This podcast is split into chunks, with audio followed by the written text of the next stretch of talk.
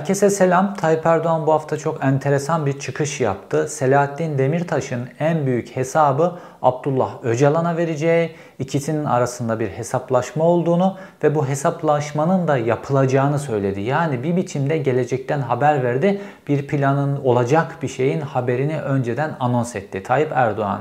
Şimdi normalde Abdullah Öcalan artık Adalet ve Kalkınma Partisi ile Milliyetçi Hareket Partisi'nin seçim kampanyalarının bir parçası olmuş durumda. Gerek yaptığı mektuplar, gerek verdiği destekler, gerek kardeşinin TRT'ye çıkartılması gibi bütün süreçlerle son birkaç seçimdir Abdullah Öcalan AKP'nin ve MHP'nin seçim kampanyasının bir parçası. Fakat bu sefer olayın içerisine Tayyip Erdoğan Selahattin Demirtaş'ı da kattı. Bu bizi geçmişteki bazı bilgilerle birleştirdiğimizde bir noktaya götürüyor. Çünkü çözüm sürecindeki pazarlıklardan çok önemli bir tanesini Abdullah Öcalan'la Tayyip Erdoğan arasında anlaşma noktasına gelmiş bir pazarlığı Selahattin Demirtaş bozmuştu. Ve belki de Abdullah Öcalan'ın bu çerçevede Selahattin Demirtaş'a bir öfkesi var. Fakat aynı zamanda Tayyip Erdoğan Abdullah Öcalan üzerinden bir plan yürütürken Abdullah Öcalan da çok zekice hapiste olmasına rağmen Tayyip Erdoğan üzerinden bir plan yürütüyor. Yine bilgi dolu, yine dop dolu bir video ile karşınızdayım.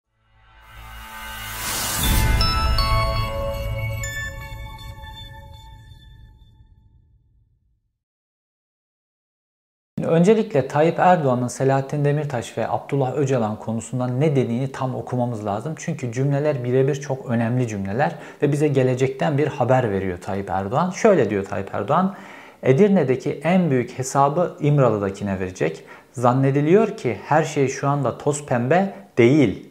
Onların kendi içlerinde ayrı bir hesaplaşma var ve bu hesaplaşmayı da yapacaklar diyor Tayyip Erdoğan. Oldukça kendisinden emin biçimde söylüyor Tayyip Erdoğan bu cümleyi.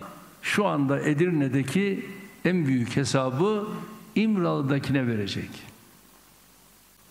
Zannediyor ki her yer şu anda toz pembe. Değil. Onların da kendi içinde ayrı bir hesaplaşmaları var. Şimdi bu cümleyi anlayabilmemiz için öncelikle şu yakın süreçteki seçimlere bakmamız lazım. Çünkü Kürt siyasetinin tamamı bu cümleyi seçim hazırlığı olarak okudu. Çünkü son birkaç seçimdir Tayyip Erdoğan Abdullah Öcalan'ı kullanıyor ya da kullanmaya çalışıyor. Özellikle HDP'deki bir kısım oyları bölmek, HDP içerisinde bir karışıklık meydana getirmek ve Kürt oylarını kazanabilmek için. Şimdi çözüm süreci devam ederken yani 2011 yılından başlayarak o devam eden yıllarda HDP tabanı Adalet ve Kalkınma Partisi'ni güçlü biçimde, Kürtler daha doğrusu güçlü biçimde destekliyorlardı. Çünkü hem Öcalan'ın çok pozitif söylemleri vardı hem de Tayyip Erdoğan'ın o dönem estirdiği işte o çözüm süreci vesaire bunlarla erişen o barış atmosferi ister istemez Kürtlerin de Tayyip Erdoğan'ı desteklemesine neden oluyordu. Bu gayet doğal bir şey. Çünkü politikalar, Tayyip Erdoğan yürüttüğü politikalar bunu gerektiriyordu. Bu siyasetin doğasında olan bir şey.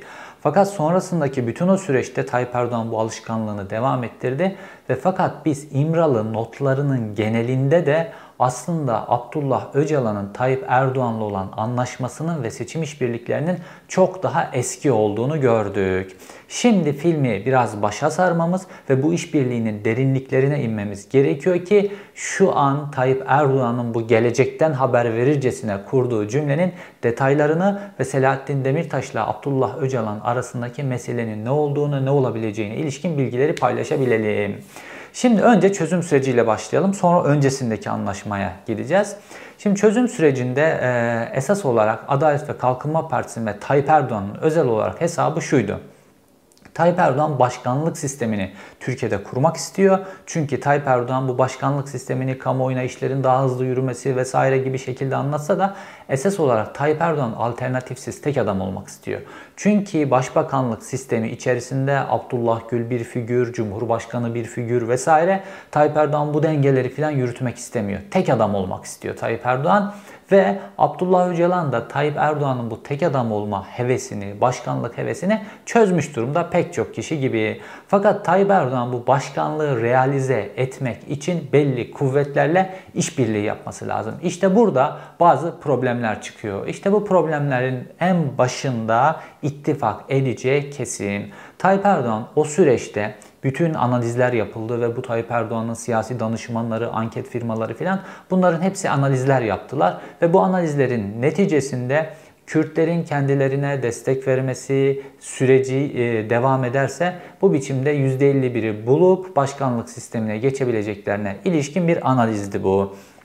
Fakat bu analizin temeli HDP'li HDP'nin bağımsız adaylarla seçime girme stratejisini devam ettirmesi üzerine kuruluydu. Çünkü o güne kadar HDP parti olarak giremiyordu seçimlere. Çünkü barajı geçecek %10'lu rakamlara ulaşamıyordu. Bunun yerine HDP'li milletvekilleri tek tek bağımsız aday oluyorlardı. Özellikle Güneydoğu ve Doğu Anadolu'da. Daha sonra bunlar seçiliyorlardı. Seçildikten sonra işte bir araya gelip bir parti grubu kurup parti oluşturuyorlardı. Bu şekilde işler gidiyordu. Peki Abdullah Öcalan, Tayyip Erdoğan'a açıkça İmralı notlarında da gördük, Milliyet'te yayınlanan notlarda da gördük. Tayyip Erdoğan başkanlık sisteminin olab da e, Abdullah Öcalan başkanlık sisteminin olabileceğini bunu kabul edeceklerini söylüyor. Fakat karşılığında ne istiyor? İşte Abdullah Öcalan'ın o kitap haline getiren İmralı notlarında da görüyoruz ki Abdullah Öcalan'ın bunun karşılığında istediği, istediği şey özel e, yerel yönetimler özellik yasası, yerel yönetimler özellik yasası Abdullah Öcalan'ın karşılığında istediği şey bu ve anlaşma bunun üzerine kurulmuş. O günlerde bu çözüm sürecinin en kilit aktörlerinden bir tanesi Yalçın Akdoğan'dı. Tayyip Erdoğan'ın da danışmanı daha sonra bakanlık vesaire de yaptı. Şimdi yine sarayda Tayyip Erdoğan'ın yanındaki en önemli kişilerden bir tanesi. Ve e, Yalçın Akdoğan da o dönem Kürtlere bir statü verileceğini Ankara'daki görüştüğü gazeteciler filan lobi yaptığı kesimlere filan bunların hepsini söylüyordu Tayyip Erdoğan, e, Yalçın Akdoğan. İşte bu özellik e, özel ye, yerel yönetimler özellik yasasıyla verilecek bir statü üzerine kurulmuş idi. Ve bu şekilde işler yürüdü. Bu şekilde işler yürüyordu. Açılım süreci, çözüm sürecine evrildi vesaire. E, pek çok adım atıldı. İşte akil insanlar vesaire. Bu şekilde işler yürüyordu. Fakat Tayyip Erdoğan'ın da Abdullah Öcalan'ın da beklemediği bir şey gelişti. Çözüm süreci ülkede büyük bir normalleşme sağladı ve bu normalleşmenin ve kamuoyunun bu derece çözüm sürecine destek vereceğini ne Abdullah Öcalan ne Tayyip Erdoğan bekliyordu fakat bu oldu. O dönemki anketlere baktığınızda özellikle medyanın da çok fazla propagandası nedeniyle çünkü çözüm sürecinde de aslında yolunda gitmeyen işler vardı. İşte PKK'nın silah biriktirmesi, devletin bir taraftan çatışmalar için hazırlıklar yapması filan bu arka tarafta dönen aslında e, iki aktör de samimi değil bu şey. Bir pazarlık aslında dönüyor ama kamuoyuna bunu bir çözüm süreci olarak sunuyorlar. Fakat kamuoyu medyanın da bu toz pembe göstermesi nedeniyle ve silahların susmuş olması nedeniyle şehit cenazelerinin, çatışma haberlerinin vesaire gelmemesi nedeniyle kamuoyu bu süreci çok sevdi. Ve anketlerde o dönem %80'lere varan çözüm sürecine bir destek vardı. Ve bu %80'in içerisine baktığımızda MHP'liler, CHP'liler bunların hepsi vardı. Çünkü bir şekilde silahların susması herkesin hoşuna giden bir durumdu. Ve bu Güneydoğu'yu da normalleştirdi. Güneydoğu'ya turist işte e, seferleri başladı. Güneydoğu'nun dağlarında işte e, turizm, dağcılık vesaire bir sürü faaliyetler yapılmaya başladı. O tarihi alanlar e, gezilmeye başlandı vesaire. Bu normalleşme herkesin çok hoşuna gitti. Ve bu aynı zamanda uzun süre silahların patlamaması, çatışma ortamının olmaması, karşılıklı nefret dilinin kullanmaması nedeniyle Türkiye'de çok büyük bir normalleşme atmosferinin içerisine girdi. Fakat bu normalleşme atmosferi aynı zamanda HDP'yi ve Selahattin Demirtaş'ı da normalleştirdi ve HDP'ye ve Selahattin Demirtaş'a normal bir ülkenin çatışmaların olmadığı, Kürt sorununun konu, ana konu olmadığı vesaire bir ülkede gelebilecek destek yavaş yavaş maksimize noktaya doğru geldi. Fakat bunun üzerine Selahattin Demirtaş bir de kendi e, politikasını, kendi siyasetini oturtmaya başladı. İşte Sırrı Süreyya Önder gibi halkın nabzını, halkın dilini yakalayabilecek, e, e, popüler söylemler ortaya çıkabilecek bir danışman yanında. Bunlarla birlikte Selahattin Demirtaş'ın hitabeti, söylem gücü, gençliği vesaire cesaretiyle birleşince Selahattin Demirtaş'ın oyları da HDP'nin oylarının üzerine eklendi ve %13, %14'lere tırmanan bir noktaya geldi. İşte bu Tayyip Erdoğan için alarm noktalarından bir tanesiydi. Fakat halen daha idare edilebilir bir noktaydı. Çünkü Tayyip Erdoğan için esas olan HDP'nin bağımsız adaylarla seçime girmesiydi. Fakat 7 Haziran 2015 seçimlerine doğru Türkiye giderken HDP bir karar aldı. Ve HDP dedi ki biz seçimlere parti olarak gireceğiz. Bunu söylediği andan itibaren aslında bu karardan itibaren Tayyip Erdoğan'ın kafasında çözüm süreci bitti. O güne kadar Tayyip Erdoğan ne diyordu? İşte bu çözüm sürecini seçimlerden bağımsız olarak ele almamız lazım. Bizim iktidarı kaybetmemiz e, hiç önemli değil. E, kan içer, e, kızılcık şerbeti içtik deriz filan vesaire. Bu şekilde Tayyip Erdoğan çözüm sürecini apayrı bir noktada tutuyordu. Fakat işine yaramaz noktaya gelince çünkü esas olan mesele, esas olan çıkarlar, esas olarak başkanlığı realize etmekti. İşine yaramaz noktaya gelince Tayyip Erdoğan'ın kafasında çözüm süreci bitti. Fakat işler bir şekilde devam ediyordu. HDP'nin bağımsız adaylarla girmesi yönünde lobiler, baskılar falan yapılıyordu.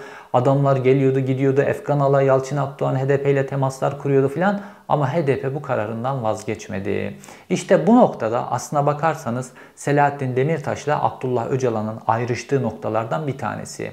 Selahattin Demirtaş o süreçte HDP'nin ve kendi siyasetinin Türkiye'li bir partiye evrilebileceğini ve Türkiye'li bir parti olarak daha önemli bir pozisyonda yer alacaklarını ve Kürt sorunundan demokratik sorunlara kadar her şeyi beraberce çözebileceklerine ilişkin bir strateji yürüttü. Fakat Abdullah Öcalan'ın e, bütün o imzalı notlarındaki mantığı şu. Abdullah Öcalan devleti tanıyor ve diyor ki biz bu süreçte bir pazarlık yapmamız lazım. Çünkü Orta Doğu'da bütün işler pazarlıkla yürür. Dolayısıyla biz kendi pazarlığımız ve kendi çıkarlarımız, Kürtlerin çıkarları, PKK'nın çıkarları vesaire bunlara odaklanmamız lazım. Dolayısıyla Tayyip Erdoğan'a başkanlığı verelim. Bunun karşılığında ne alabilirsek, alabildiğimiz kadar legalleşme olabilir, bazı yasal düzenlemeler olabilir vesaire bunları alalım. Türkiye'nin gerisinin genel olarak Türkiye'nin demokratikleşmesi olmayacak bir şey Abdullah Öcalan için ve ana odak noktayı buraya oturtulmasını istemiyor Abdullah Öcalan. İşte burada bir ayrışma var.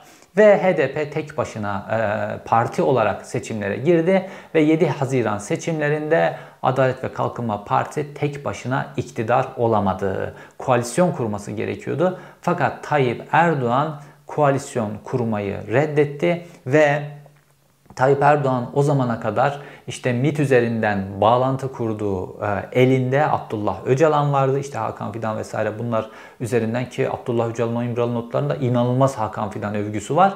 Bir elinde MIT üzerinden e, bir elinde Abdullah Öcalan vardı Tayyip Erdoğan'ın. MIT üzerinden diğer elde ise Şenkal Atasagun üzerinden Devlet Bahçeli var. Dolayısıyla Tayyip Erdoğan artık bu el Tayyip Erdoğan için istediği başkanlığı e, kuramayacak hale geldiği için bu eli aşağı indirdi, bu eli yükseltti ve MHP ile olan koalisyonu yine Şenkal Atasagun, MİT kanalıyla vesaire inşa edildi ve sonrasındaki sürece doğru ilerledik.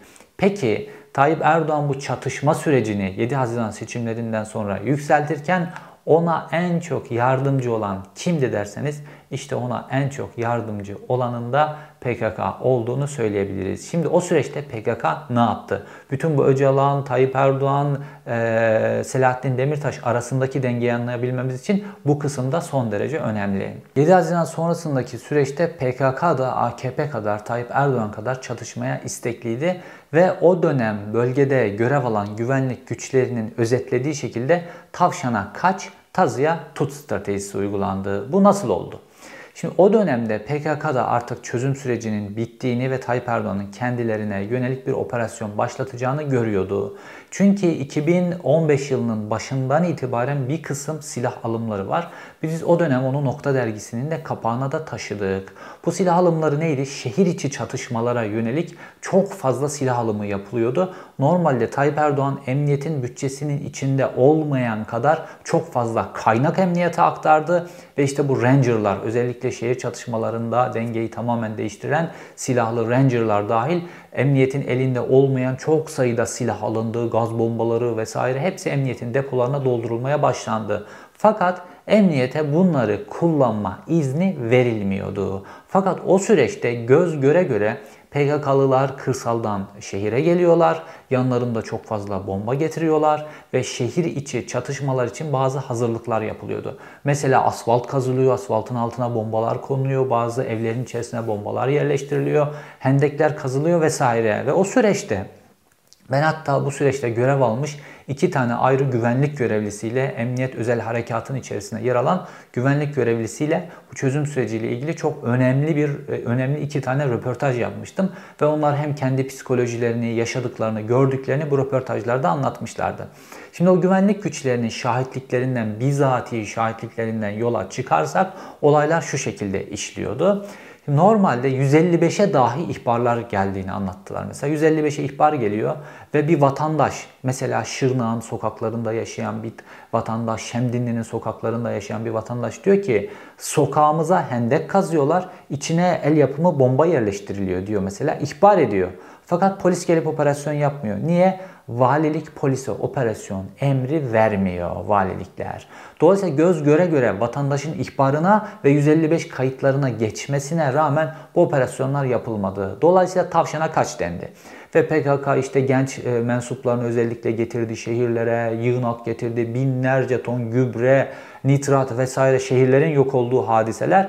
Bunları yığınaklarını yaptı, hendeklerini kurdu, kum torbalarını koydu vesaire bütün hendekler bombalar çatış, PKK çatışmaya hazır hale geldi. Bu çatışmaya hazır hale geldikten sonra yani buna yol verdikten sonra yani tavşana kaç dendikten sonra bu ne için? Çatışmanın dinamiğini çok yükseltmek için. Çok büyük çatışmalara ihtiyacı vardı Tayyip Erdoğan'ın. Tekrar oylarını %49'lara tek başına iktidar olabilecek seviyeye taşımak için.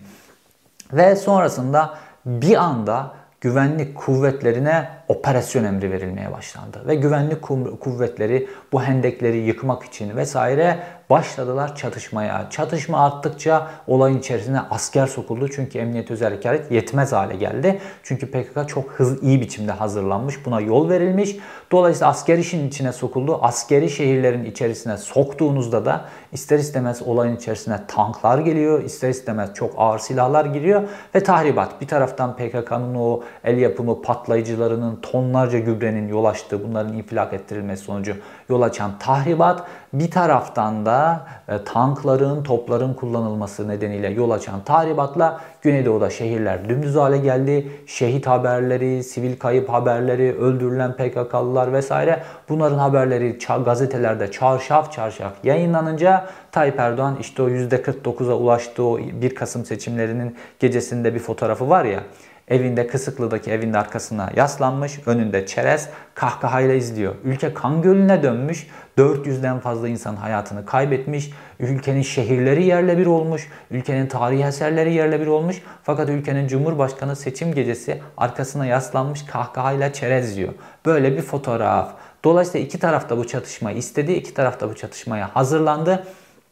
Olan ne oldu? Olan normalleşen Kürt siyaseti, normalleşen Türk siyaseti tamamen imha oldu. Eskisinden beter hale geldi. 90'lı yıllardan daha beter hale geldi ve MHP iktidarın ana bloklarından bir tanesi haline geldi ve ondan sonra da Tayyip Erdoğan'ın söylemi, stratejisi tamamen nefret söylemi üzerine faşist bir söylem üzerine, ayrılıkçı ve kutuplaştırıcı bir söylemin üzerine oturdu. Fakat Abdullah Öcalan'ın İmralı notlarından biz anlıyoruz ki ve daha bunu da destekleyen başka deliller de var. Bunlarla birlikte bir araya geliyor ki aslında Abdullah Öcalan'ın Tayyip Erdoğan'la pazarlıkları çözüm süreciyle başlamıyor. Başkanlık ve e, yerel yönetimler özellik yasasıyla başlamıyor. Onun öncesinde de Tayyip Erdoğan'la süren bazı pazarlıkları var. Abdullah Öcalan özellikle 2000'li yıllarda yani Adalet ve Kalkınma Partisi'nin kuruluşundan sonraki 2000'li yıllardan 2009'a kadar geçen süreçte Tayyip Erdoğan'ı iktidarda ben tuttum diyor. E, Abdullah Öcalan. Bu oldukça iddialı bir cümle. Sonrasında da bunun altını dolduruyor. Şimdi o dönemde Tayyip Erdoğan'ı yemek isteyen bir güç var. Kim? O dönemde askerler çok kuvvetli. Özellikle AKP iktidardan geldikten sonra askerler işte İlker Başbuğ, Yaşar Büyükanıt vesaire bunlar Tayyip Erdoğan'ı iktidardan götürmek için bazı hamleler kuruyorlar. Ve işte Adalet ve Kalkınma Partisi'ne kapatma davası açılıyor vesaire. Ee, pek çok gerilimli hadise de var. Dolayısıyla askerler AKP'yi yemek için hazır. Fakat burada tansiyonun yükselmesi ve askerlerin rolünün kamuoyunda çok güçlü hale gelmesi için bazı hadiseler var. Türkiye'de klasik olarak Kürt sorunu askerlerin Türk siyaseti üzerindeki gücünü arttırmak için kullanmıştır. Eğer PKK ile çatışmalar varsa, şehitler geliyorsa vesaire dolayısıyla askerin rolü çok güçlenmiştir. Çünkü şiddet ortamında güçlü olan kişiler her zaman askerlerdir. Fakat o dönem PKK çatışmaları oldukça düşük düzeyde tutuyor. Özellikle de seçim süreçlerinde. İşte Abdullah Öcalan diyor ki ben diyor özellikle seçim süreçlerinde bu çatışmaları biz düşük tuttuk. Ondan sonra TSK bize saldırmasına rağmen biz saldırılara yeterince cevap vermedik. Dolayısıyla çatışmanın dinamiğini biz yükseltmedik. Ve Adalet ve Kalkınma Partisi de bu sayede iktidarda kaldı diyor. Yani Öcalan diyor ki askerlerin ihtiyacı olan şimdi hani 7 Haziran seçimlerinden sonra çatışmaya Tayyip Erdoğan'ın ihtiyacı var ya. Çünkü MHP ile birliktelik kurduğu için artık çatışma ona yarayacak. Şehit cenazeleri ona yarayacak. Noktanın kapağında özetlediğim gibi. Fakat onun öncesinde Tayyip Erdoğan tek başına bir parti, MHP ile bir koalisyonu yok ve çatışma dinamiğinin yükseldiğinde oyların bir kısmı MHP'ye kayıyor ve MHP'ye kaydığı durumda da AKP tek başına iktidarı kaybettiği gibi askerlerin rolü de güçleniyor ve askerlerin AKP'yi ham yapması için bir ortam oluşuyor. Ve bunu yapabilmek için de kapatma davası dönemin e, Genelkurmay Başkanı İlker Başbuğ tarafından organize edildi ve açıldı. Bu net. Fakat PKK ve Abdullah Öcalan diyor ki biz diyor Tayyip Erdoğan için bu çatışmanın dinamiğini bütün bu beklentilere rağmen yükseltmedik. Neden? Burada dönen pazarlık ne? İşte burada dönen pazarlığı başka Kürt kaynaklarda teyit ediyorlar. Burada dönen pazarlık şöyle. AKP o dönem ee, Güneydoğu'da özellikle bazı kazanabileceği belediyelerde vesaire bunlarda çok düşük profilli adaylar gösteriyor.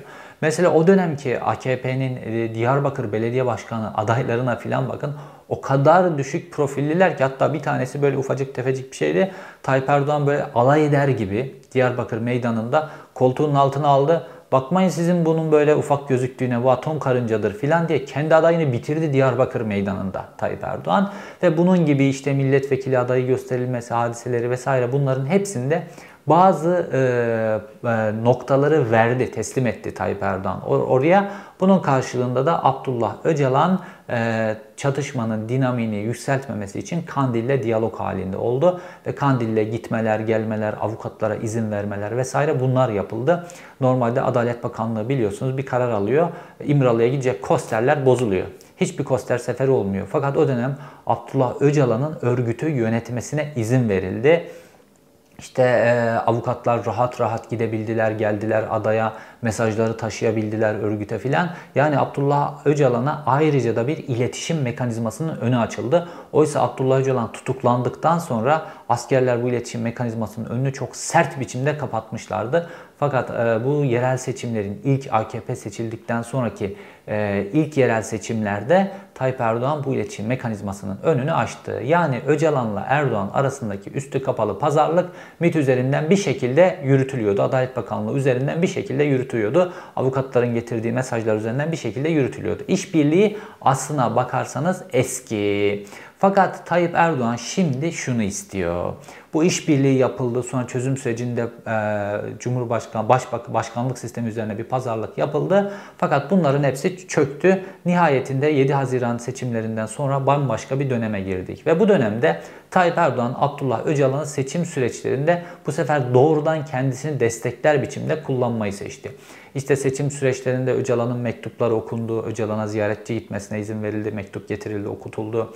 Ondan sonra Öcalan'ın kardeşi Osman Öcalan TRT'ye çıkartıldı.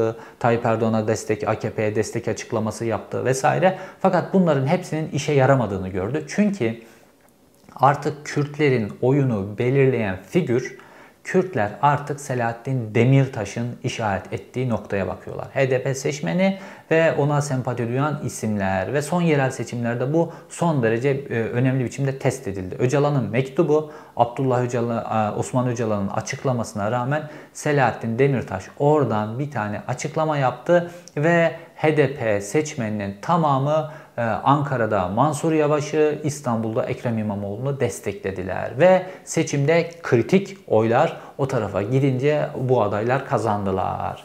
Ve şimdi artık Tayyip Erdoğan için Abdullah Öcalan'ı başka bir biçimde kullanma dönemi açılmış gözüküyor. İşte yakında çatışacaklar, yakında birbirlerine girecekler diyor ya. İşte demek ki artık plan bunun üzerine kurulmuş ve bir şekilde Selahattin Demirtaş'ın siyaset üzerindeki gücünü kırabilmek için Abdullah Öcalan'ı kullanmaya karar vermiş Tayyip Erdoğan. Şimdi bu çok enteresan bir nokta. Selahattin Demirtaş kaç yıldır tutuklu? 2016'dan beri tutuklu Selahattin Demirtaş. Cezaevinde iletişim imkanları bu pandemi dönemindeki cezaevi kısıtlamaları nedeniyle 2 yıl karısını dahi göremedi Selahattin Demirtaş. Avukat kısıtlamaları o bu falan buna rağmen Tayyip Erdoğan cezaevinde yasaklı bir siyasi liderden korkuyor. İşte bu Tayyip Erdoğan'ın artık ne kadar güçsüz, ne kadar kırılgan olduğunu da bize işaret ediyor. Neredeyse diz çökmüş vaziyette Selahattin Demirtaş'ın gücü karşısında ve bunu kırabilmek için de Abdullah Öcalan'la yeni bir pazarlığın kapısını açmış durumda. Eğer Abdullah Öcalan, Selahattin Demirtaş'ın gücünü kırmak için bir adım, bir hamle vesaire yapacaksa ve bu kurgulanmışsa, böyle bir plan yapılmışsa seçim öncesi, çünkü Tayyip Erdoğan her alanda seçim öncesi planlar yapıyor. Seçim ekonomisi de uygulayacak, MHP'ye yönelik planı da var, CHP'ye yönelik de, olacak adaylara yönelik de, Kürt oylarına yönelik de. Çünkü çok kritik %10'un üzerinde bir oydan bahsediyoruz. Eğer Öcalan'a böyle bir şey yaptıracaksa anlayın ki Öcalan'a aynı zamanda Tayyip Erdoğan da bir şeyler vermiştir. Çünkü Öcalan'ın temel stratejisi Orta Doğu'da işler pazarlıkla yürür. Öcalan bunu çözmüş vaziyette ve stratejisini de bu şekilde yürütüyor. Mesela Öcalan ilk Suriye'ye geçtiğinde diyorlar ki baba Esat var o dönem. İşte oraya gitme baba işte Esat seni kullanmaya çalışır falan diyorlar. Öcalan da diyor ki ben de onu kullanırım diyor. Yani mantığı bu. Bu şekilde yürüyor Öcalan'ın. Ve Tayyip Erdoğan bir açıdan da şunu yapmaya çalışıyor. Öcalan'la bütünleşmiş bir HDP ve sürekli Öcalan'la anılmış bir HDP'nin oy potansiyeli %7. Yani Öcalan'la bir HDP'nin oy potansiyeli %7. Fakat Selahattin Demirtaşlı bir HDP'nin oy potansiyeli %13, %14. Ve Tayyip Erdoğan Öcalan'la HDP'yi istiyor ve Öcalan'ı HDP'ye yapıştırmak için bazı planlar yapıyor. İşte geçtiğimiz günlerde e, Semra Güzel e, zannedersem ismi HDP'li bir milletvekilinin bir fotoğrafı çıktı. İşte PKK'lı birisiyle fotoğrafı çıktı. Bu normalde çok eski bir fotoğraf ve devletin elinde olan bir fotoğraf. Onu bu Tayyip Erdoğan'ın sözleriyle birleştirin bir plan yürüyor demek ki. Bir medya stratejisi, bir plan yürüyor bir şekilde HDP ile ilgili. Bu HDP'yi kapatma noktasına da varabilir. Fakat HDP'yi kapatma noktasına varıp varmayacağı Selahattin Demirtaş'ın gücünü ne kadar kıracaklarıyla ilgili olan bir şey olacak. Çünkü eğer Selahattin Demirtaş'ın gücünü kırabilir ve HDP'yi Öcalan'la bütünleştirebilirlerse bu Tayyip Erdoğan için zaten e, en ideal formül. Yok Selahattin Demirtaş'ın gücünü kıramazlarsa o zaman olay HDP'yi kapatma noktasına kadar varabilir. Fakat dediğim gibi bütün bunlar Tayyip Erdoğan'ın aslında ne kadar kırılgan ve ne kadar zayıf olduğunu gösteriyor. Yıllardır hapiste olan bir siyasetçiyi daha etkisiz hale getirebilmek için zaten siyaseten yasaklanmış, zaten hapiste daha etkisiz hale getirmeyi ana gündemi haline koymuş ve bunun içinde Abdullah Öcalan'dan medet umar bir hale gelmiş durumda Tayyip Erdoğan. Öcalan'ın stratejisine gelirsek Öcalan'ın stratejisi ise bütün bu karışıklığın içerisinde bambaşka. Öcalan da kendisine göre bir strateji yürütüyor. Mesela size bir örnek vereyim. Öcalan'ın işte bu çözüm sürecinde Diyarbakır'da, Diyarbakır meydanında okunan bir mektubu vardı ve bu o dönem için çok böyle e, tartışılan bir konuydu, çok ses getiren bir konuydu. Yani işte e, ömür boyu hapse mahkum edilmiş, bebek katili falan filan demiş. Ama böyle bir adamın mektubu Diyarbakır meydanında okutuldu hükümetin izniyle ve mektup da hükümetin izniyle miteliyle getirilip teslim edildi. Fakat bu mektubun bir hikayesi var. Şimdi dedim ya çözüm sürecindeki kilit adamlardan bir tanesi o pazarlığı yürüten adamlardan bir tanesi Yalçın Akdoğan'dı. Şimdi normalde Abdullah Öcalan bir mektup yazdı Diyarbakır meydanında okutulmak için ve bu mektup niteliğiyle hükümete geldi. Hükümet böyle mektup mu olur filan dedi ve Yalçın Akdoğan oturdu mektubu neredeyse yeniden yazdı. Aslında okunan mektup Diyarbakır meydanındaki mektup Yalçın Akdoğan'ın mektubu diyebiliriz. Daha sonra bu mektup Abdullah Öcalan'a gönderildi ve Abdullah Öcalan da mektubu hemen onayladı. Çünkü Abdullah Öcalan için Diyarbakır meydanında onu demiş, bunu demiş, mektubun içeriği filan bu önemli değil. Diyarbakır meydanında Abdullah Öcalan'ın mektubunun okunması önemli. Yani bu legalleşme noktasına kadar tırmanmaya ihtiyacı var Abdullah Öcalan'ın. Bunu önemsediği için bu şekle vesaire buna takılmadı Abdullah Öcalan. Dolayısıyla o mektup okutuldu. Şimdi Abdullah Öcalan bütün süreç boyunca da şu an içinde bulunduğu pazarlık açısından da konuya böyle bakıyor. Biz ne alabiliriz? Ben ne alabilirim? Legallik noktasını hangi noktaya taşıyabiliriz? Tamamen bunun üzerine fokuslanmış durumda. Ve Abdullah Öcalan Türkiye'nin öyle demokratik, müreffeh, e, işte Avrupa Birliği seviyesine çıkacağı ve bu şekilde Kürtlerin sorunlarını da çözüleceği, yani Türkiye'nin genel problemlerinin çözüldüğü durumda Kürtlerin de problemlerinin çözüleceği noktasına inanmıyor Abdullah Öcalan. Abdullah Öcalan diyor ki bu coğrafyada kendi ayaklarınız üzerinde durmanız lazım. Bu coğrafyada dişli olmanız lazım.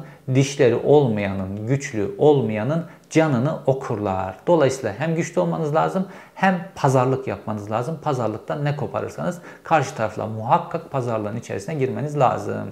Fakat Abdullah Öcalan'ın da bu dönemde cezaevinde olmasına rağmen şöyle bir strateji izlediğini görüyorum. Nasıl Tayyip Erdoğan e, Abdullah Öcalan'ı HDP ile yapıştırıp Selahattin Demirtaşlı bir HDP değil de Öcalanlı bir HDP e, imajı oluşturmaya çalışıyorsa Abdullah Öcalan da aynı şekilde kendisini AKP'ye yapıştırıyor. Kendisinin seçim meydanlarında mektuplarının okunması, kendisinin mektubunun TRT'de okunması, kardeşinin TRT'ye çıkartılması vesaire ve şimdi de Tayyip Erdoğan'ın kendisini Selahattin Demirtaş'a karşı ağzına alması vesaire Abdullah Öcalan bunların hepsini kazanım görür. Sonuçta bir bakıma da Abdullah Öcalan bütün bu şekilde Tayyip Erdoğan'a yapışıyor. Sürekli Tayyip Erdoğan'la anılıyor Abdullah Öcalan ki zaten baktığımızda Selahattin Demirtaş'ın kendisi de söylemişti. 7 Haziran seçimleri sonrasında o hendek sürecinde çatışmaların arttırıldığı süreçte Tayyip Erdoğan bu e, Selahattin Demirtaş bu hendek olaylarına karşı bazı açıklamalar yapmıştı. Fakat sonra Selahattin Demirtaş yargılanırken mahkemede de bunu açıkça söyledi. Kürt medyasına yönelik bir eleştiri olarak o dönem benim yaptığım açıklamaları Kürt medyası bile sansürledi, vermediler. Çünkü herkes çatışmayı istiyordu o dönemde bir biçimde. Kürt medyası da bunu istiyordu, PKK da istiyordu, Tayyip Erdoğan zaten istiyordu çatışmayı.